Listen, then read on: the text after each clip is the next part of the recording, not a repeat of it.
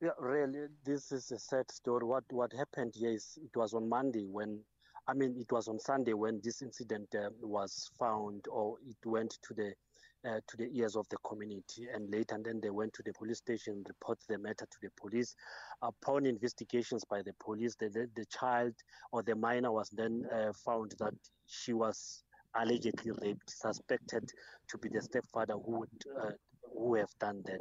And when, when they continued the investigation, they then found that the biological mother is also uh, in a way involved in assisting the perpetrator to, to, to, to rape the child. So the child on the set day and then he she, she she escaped on his way for to a place of safety she was then again raped by another suspect whom the police are currently behind her trails but now the sad story is that immediately when when the two suspects were arrested the community also made aware the police to say we are suspecting that there's another minor child who is also missing from this family that when they started also making their own investigations the two perpetrators then confirmed that we have buried the child behind the house when they went there then they found the shallow grave as we speak now we are expecting some experts who are coming from Pretoria to come and exhume the body so the two suspects are still expected to appear before the uh, magistrate court here in Kabokweni.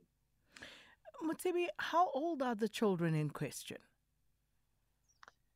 The minor, especially the one who was allegedly raped, it is not clear uh, as to whether it's, it's, it's about 14 or 15 years, but she's a very young little girl.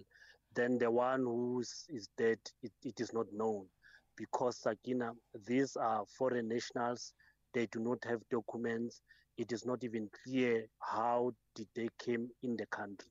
As I, con- I speak to you now, I'm also aware that they might also be facing an, an additional charge of contravention of the Immigration Act to be in the country unlawfully.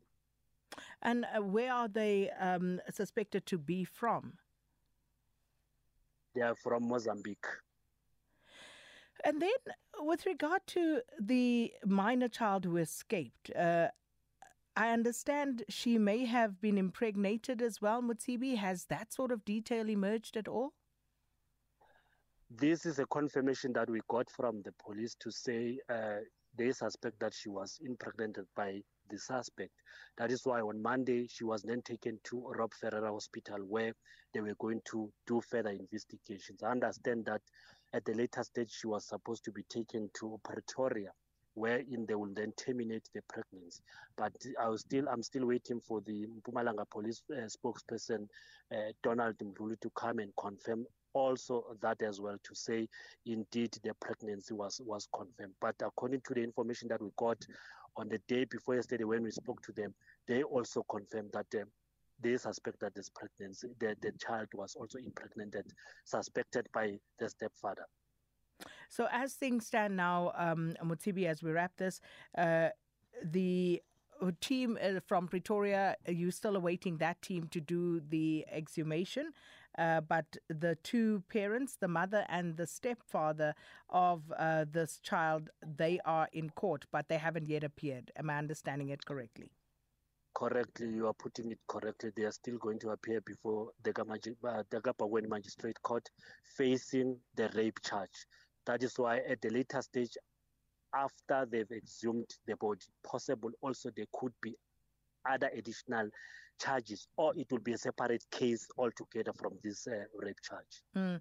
Uh, so the other child who was buried was also a girl. I'm not quite sure but when I spoke to one of the community members there I remember he told me that it was a boy. So I think it's it's a question for us to do more investigations or the, the, the investigators immediately when they do the examination, maybe possibly they could tell us whether he was a boy or a, a boy or a girl. And do we know whether that child was older or younger than uh, the one who escaped, Montsibi?